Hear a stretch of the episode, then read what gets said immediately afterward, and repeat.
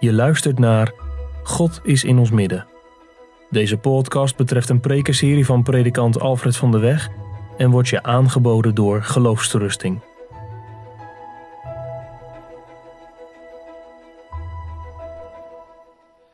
We vervolgen vandaag de prekenserie over de tabernakel. We lezen daartoe uit de schriften van morgen Exodus 27 en twee hoofdstukken verder uit hoofdstuk 29 een aantal versen. Eerst Exodus 27, de eerste zes versen. Nadat we de poort in de voorhof zijn doorgegaan, lopen we als het ware tegen het brandofferaltaar aan. Exodus 27, vers 1 tot en met 6 is de eerste schriftlezing. Wij lezen daar het woord van God als volgt. U moet ook het altaar van acaciahout maken. De lengte moet 5 L zijn. De breedte 5 L. Het altaar moet vierkant worden en zijn hoogte 3 L. Dus 2,5 bij 2,5 bij 1,5. U moet dan zijn horens op de vier hoeken ervan maken. Zijn horens moeten er één geheel mee vormen en u moet het met koper overtrekken. Vervolgens moet u de bijbehorende potten maken om zijn as te verwijderen. En de bijbehorende scheppen, sprengbekkens, vorken en vuurschalen, alle bijbehorende voorwerpen moet u van koper maken. U moet er vervolgens een rooster voor maken, een koperen rasterwerk, en op het raster moet u vier koperen ringen maken op de vier uiteinden ervan. U moet het dan onder de rand van het altaar plaatsen, van onderen af, zodat het raster tot halverwege het altaar komt. Verder moet u draagbomen voor het altaar maken, draagbomen van acaciahout, en ze met koper overtrekken. Zijn draagbomen moeten zo in de ringen gestoken worden, dat de draagbomen aan beide zijkanten van het altaar zijn als men het draagt. U moet het altaar van planken maken, van binnenhol. Zoals hij het u op de berg getoond heeft, zo moet men het maken. Tot zover de instructies. Dan hoofdstuk 29, vers 38 tot en met 46. Daar zien we het brandofferaltaar daadwerkelijk functioneren. Exodus 29 vanaf vers 38. Dit nu is het wat u op het altaar moet bereiden. Elke dag twee lammeren van een jaar oud en dat voortdurend. Het ene lam moet u in de morgen bereiden en het andere lam moet u tegen het vallen van de avond bereiden. Met een tiende eva meelbloem, gemengd met een kwart hin uit olijven gestoten olie en een plengoffer van een kwart hin wijn voor het ene lam. En het andere lam moet u bereiden tegen het vallen van de avond. U moet daarmee doen als met het ochtendgraanoffer en het bijbehorende plengoffer, als een aangename geur. Het is een vuuroffer voor de Heere. Het moet een voortdurend brandoffer zijn, al uw generaties door, bij de ingang van de tent van ontmoeting voor het aangezicht van de Heere. Daar zal ik u ontmoeten, om daar met u te spreken. Daar zal ik dan de Israëlieten ontmoeten, en zij zullen door mijn heerlijkheid geheiligd worden. Dan zal ik de tent van ontmoeting en het altaar heiligen. Ik zal Aaron en zijn zonen heiligen om voor mij als priester te dienen. Ik zal dan te midden van de Israëlieten wonen en ik zal hun tot een God zijn. En zij zullen weten dat ik de Heer hun God ben, die hen uit het land Egypte geleid heeft, opdat ik in hun midden zal wonen. Ik ben de Heere, hun God. Tot zover de twee schriftlezingen. Straks in de toeleiding tot de tafel zal het gaan over Exodus 27. Met name vers 1 en 2. U moet ook het altaar van acaciahout maken. De lengte moet 5 L zijn. De breedte 5 L. Het altaar moet vierkant worden en zijn hoogte 3 L. U moet dan zijn horens op de vier hoeken ervan maken. Zijn horens moeten er één geheel mee vormen. En u moet het met koper overtrekken. Laten wij eerst Gods aangezicht zoeken in gebed en hem bidden om een zegenrijke verkondiging van het woord. Laten we bidden.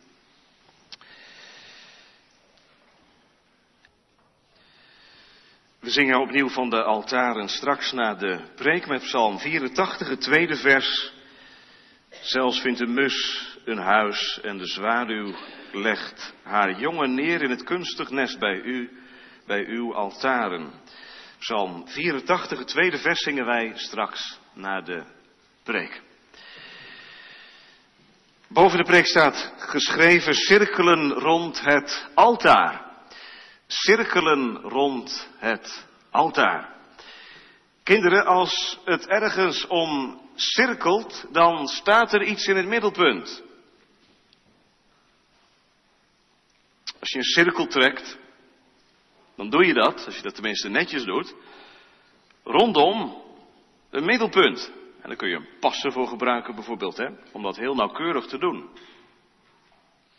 En zo'n middelpunt heb je nodig om ergens omheen te kunnen cirkelen. Doet u dat ook? Doe jij dat ook? Net als David. Psalm 26, net gezongen. Ik cirkel, ik wandel, zegt de onberuimde versie, rond uw altaar. Blijkbaar is daar iets te zien, iets te halen voor David. Nou en of. En dat is niet iets waar die uiteindelijk verdrietig van wordt.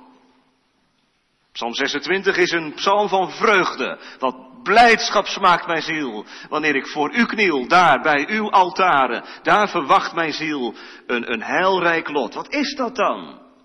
Ja, dat is het brandofferaltaar. Dat gevaarte, want het is toch echt wel een heel groot object. 2,5 bij 2,5 bij 1,5, volledig van koper. Op een hoogte geplaatst, dat betekent altaar eigenlijk letterlijk vanuit het Hebreeuws, hoogte. De priester moest er ook, als het ware, bij kunnen komen. Hè? Dus er was ook een plateau wat opliep. En zo kon de priester met het eh, offerlam naar boven en het op het altaar leggen. Het was een altaar waar je letterlijk en figuurlijk niet omheen kon. Want als de poort in de voorhof openging, wat was dan, jonge mensen, het eerste wat je zag? Niet het wasvat, maar het brandofferaltaar. En dat was natuurlijk bewust zo neergezet door de Heere God. Dat dat de bedoeling, het eerste waar je als zondaar tegenaan loopt, is dat brandofferaltaar. Je kunt er niet omheen. Je moet er eerst geweest zijn. Anders kun je niet verder komen. Het woordje altaar betekent niet alleen hoogte. Het betekent ook slachtplaats. En bij dat woord kijken wij bedenkelijk. Slachtplaats. Luguber. Dat is niet iets waar je blij van wordt, toch? Kun je nou David nog steeds begrijpen? Die vol vreugde rond dat altaar loopt? Slachtplaats? Ja, dat was het, kinderen daar werden de dieren die geofferd of die gedood waren door de priester geofferd. Daar kringelde de rook omhoog. Het bloed werd opgevangen en dat werd aan die koperen hoornen, die vier hoornen aan de zijde van het altaar bevestigd. Dat is toch niet iets om blij van te worden, zegt iemand. Dat is toch eigenlijk iets om een stap van naar achteren te doen. Daar ga je toch niet naar kijken. Nou, wij kunnen ons dat helemaal niet voorstellen natuurlijk. In het Oude Testament was dat in zekere zin heel gewoon hè, voor, de, voor de Israëlieten van toen. Maar toch, ook voor de Israëlieten was het en had het iets heel aangrijpends. Want dat brandofferaltaar sprak inderdaad van slachting, van de dood, van het oordeel, van het vuur. Dat is niet iets om blij van te worden, dat is iets om maar van weg te lopen. Snapt u het nu nog, gemeente? Hoe, hoe kan dit? Vorige week hebben we tegen elkaar gezegd, die prachtige poort in de voorhof met die schitterende kleuren had maar één bedoeling. Om aantrekkingskracht te hebben. He, zodat de Israëlieten die tegen die muur van heiligheid aanliepen, die witte omheining rond de tabernakel, in ieder geval zagen, maar er is één route om binnen te komen, dat is door die deur heen. En die kleuren die prikkelden, die trokken als het ware. En dan gaat die poort open en dan loop je tegen een brandofferaltaar aan. Waar de doordringende geur van die, van die dieren die op het altaar liggen in je neusgaten komt. Dat is een bron van ergernis. Ligt er maar aan, gemeente. Dat ligt er maar aan. Dat ligt er maar aan wat je erin ziet. Dat is met avondmaal natuurlijk net zo.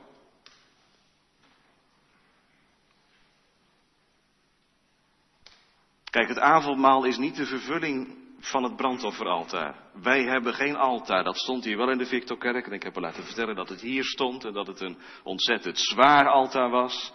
Nou, sommigen van u weten dat nog wel, hoe dat altaar is weggetakeld. Nee, dat altaar hebben wij niet meer. En dit is er niet voor in de plaats gekomen. Die avondmaalstafel is geen altaar. Het kruis van Golgotha, gemeente, dat is de vervulling van het brandofferaltaar. Maar ook daarvan geldt. Het is een ergernis. Het is ook niet iets waar je nou direct blij van wordt als je kijkt naar wat daar gebeurt. Het oordeel van God. Een mens, de zoon van God, die sterft, het bloed wat druppelt. En dan het avondmaal. Hoe kun je nou toch blij worden? En hoe kan er een weg zijn naar het avondmaal toe, waar jongeren en ouderen met geestelijke vreugde neerzitten en die tekenen van brood en wijn tot zich nemen. Hoe kan dat als je ziet waar het vandaan komt? Dat is het eerste. Als je ziet waar het vandaan komt. Want dat brandofferaltaar gemeente was geen vinding van de priesters, dat was een uitvinding van God. Voorzienige zorg voor Israël. Plaats het brandofferaltaar achter de poort. Zodat er voor iedere zondaar die komt met een offerdier redding is. En gemeente, we hebben gelezen in hoofdstuk 29 dat offer, dat brandde altijd maar. Dat moest niet opgerakeld worden, dat brandde voortdurend. Iedere Israëliet die kwam, die boete deed, die zijn schuld beleed, die zich verootmoedigde bij het brandofferaltaar, die ging met zegen naar huis. Het was de voorzienige zorg van God. Ik kan niet bij jullie wonen en toch wil ik bij jullie wonen. Hoe kan dat dan? Door dat brandofferaltaar. Want kijk eens wat erop ligt, het dier. Geslacht. Onschuldig. Het bloed aan de hoornen gestreken. Het dier op het altaar gelegd. En je stond erbij en je keek ernaar. Want de priester deed het voor jou. Verder hoeft hij ook niks te doen. Alleen maar kijken. En geloven. Ieder die zich verootmoedigde. En geloofde. In mijn plaats. Op het altaar. Die was gered. Gemeente en zo kwamen de Israëlieten iedere dag. S'morgens en s'avonds. Als je één keer echt gebruik hebt gemaakt van het brandofferaltaar, ben je er niet bij weg te slaan. Dan is het een cirkelend leven geworden rond het altaar. Dat geldt ook voor avondmaalsgangers. Wie zitten aan de tafel? Dat zijn mensen die weten van cirkelen rond het altaar. Dat was eerst heel anders hoor. Het was een cirkel rond jezelf. Maar God heeft dat door zijn genade doorbroken. Hij heeft laten zien wie je bent. Misschien wel heel radicaal, heel ingrijpend. Of geleidelijk, door de woordverkondiging, dat je erachter kwam. Wat ben ik toch een, een pure egoïst als het erop aankomt. Ik cirkel niet met mijn leven rond de Heer Jezus Christus. Integendeel, het gaat uiteindelijk ook maar om mij.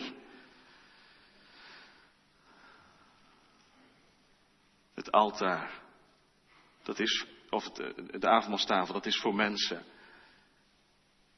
Wiens leven cirkelt rond het altaar.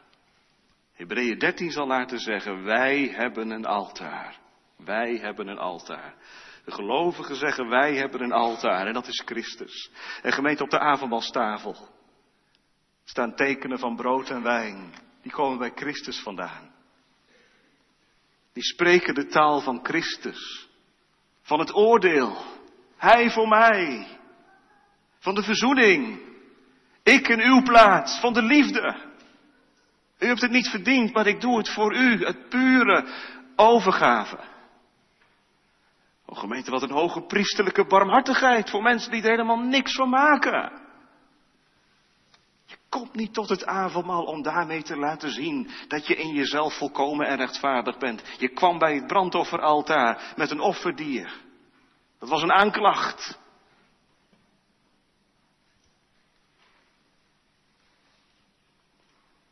Je was niet goed, maar je leefde van het goede. Je leefde van de ander. Brandofferaltaar predikt ons Christus, volkomen lam van God. Door God zelf gegeven. En wie er gelovig gebruik van maakt, wordt vanmorgen genodigd. Dat geloof, dat moet versterkt worden. Dat is nodig. Want je leven moet cirkelen rond het altaar. Anders verlies je je weer in jezelf. En bovendien, het leven moet cirkelen rond het altaar, want heb je er geen last van dan? De zwakheid van je geloof, de aanvechtingen van binnen, de verleidingen waarmee je te kampen hebt. En wees eens eerlijk, die geestelijke toestand van ons, is dat nou echt om over naar huis te schrijven? Buiten Christus heb ik niets. Het lam heb ik nodig. Ik moet het weer zien. En ik mag het vanmorgen zelfs proeven. Dat is de, de rijkdom van de nieuwe bedeling. Jezus zegt hier, eet en drink. Dat was in het Oude Testament niet zo. Het brandofferaltaar keek je. En ging je naar huis. Het Nieuwe Testament is rijker. Avondmaal predikt ons. Gods recht is voldaan. Er is verzoening geschied. En Christus heeft voor al zijn kinderen brood en wijn in de aanbieding. Waarom? Die tekenen onderstrepen, wij hebben een altaar. Daar leven we van. Daar moeten we het van hebben. We zitten onszelf niet geestelijk op te vijzelen. Maar we leven van, van wat Hij, de Vader, in de Zoon geeft. En het is de Heilige Geest die in het avondmaal, rond het avondmaal, door de tekenen van brood en wijn, geestelijk moed en kracht geeft. Om als mijn leven weer wegging, wegliep van dat altaar, mij weer terug te roepen tot die kern.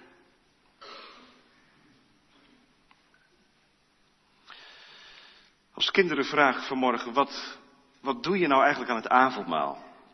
Weet je kinderen wat je aan het avondmaal doet?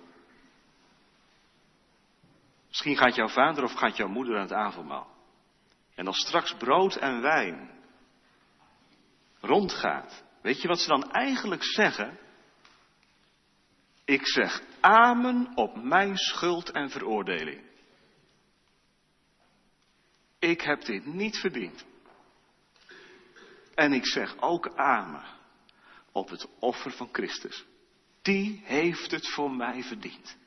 En in die wonderlijke combinatie, eigenlijk een paradox, in die wonderlijke combinatie, leeft het geloof. In die spanning, altijd weer. Zo word je zelf met je geloof nooit iets. Maar is Christus je alles. Dat is avondmaal. Eén grote prediking van Christus. Zoals het brandofferaltaar één grote prediking was van het, de offerdieren die daar neergelegd werden. Gemeente, kun je er een beetje bij komen dat er uh, mensen zijn in het Oude Testament die gezegd hebben, ik zou er wel willen wonen bij dat altaar. Het liefst zou ik niet meer naar huis gaan. Kun je wel eens hebben met het avondmaal, hè? dat je zegt, oh, het is maar even, maar ik zou er wel blijven willen, willen blijven zitten. Nou, er zijn psalmen van mensen, ik zou er wel willen wonen, die zeggen, laat daar mijn huis maar zijn, bij de altaren.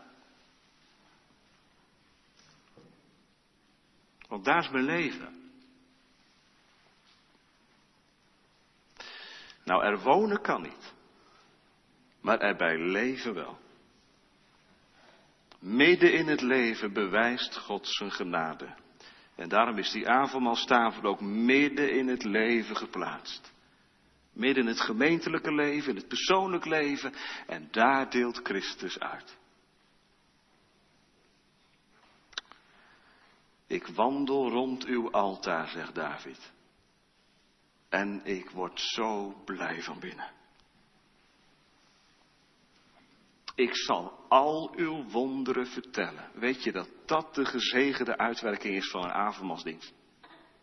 Als je naar huis gaat, van de tafel gaat, het wonder niet op kunt, het allemaal misschien ook geen plek kunt geven, het allemaal niet kloppend kunt maken. Maar dat de verwondering de boventoon voert. En dat die je als het ware helemaal op Christus geconcentreerd doet zijn. Verwondering. Hij voor mij. Gemeente, zo'n avondmasviering. In 2020. Dat hebben we nodig. Dat hebben we nodig. Om zelf niet iets te worden met ons geloof. Om Christus zaligmaker te laten zijn redder, fundament in leven en sterven. Omdat het brandofferaltaar op Golgotha rookte, gemeente, kan straks klinken. Kom, want alle dingen zijn nu gereed. Amen.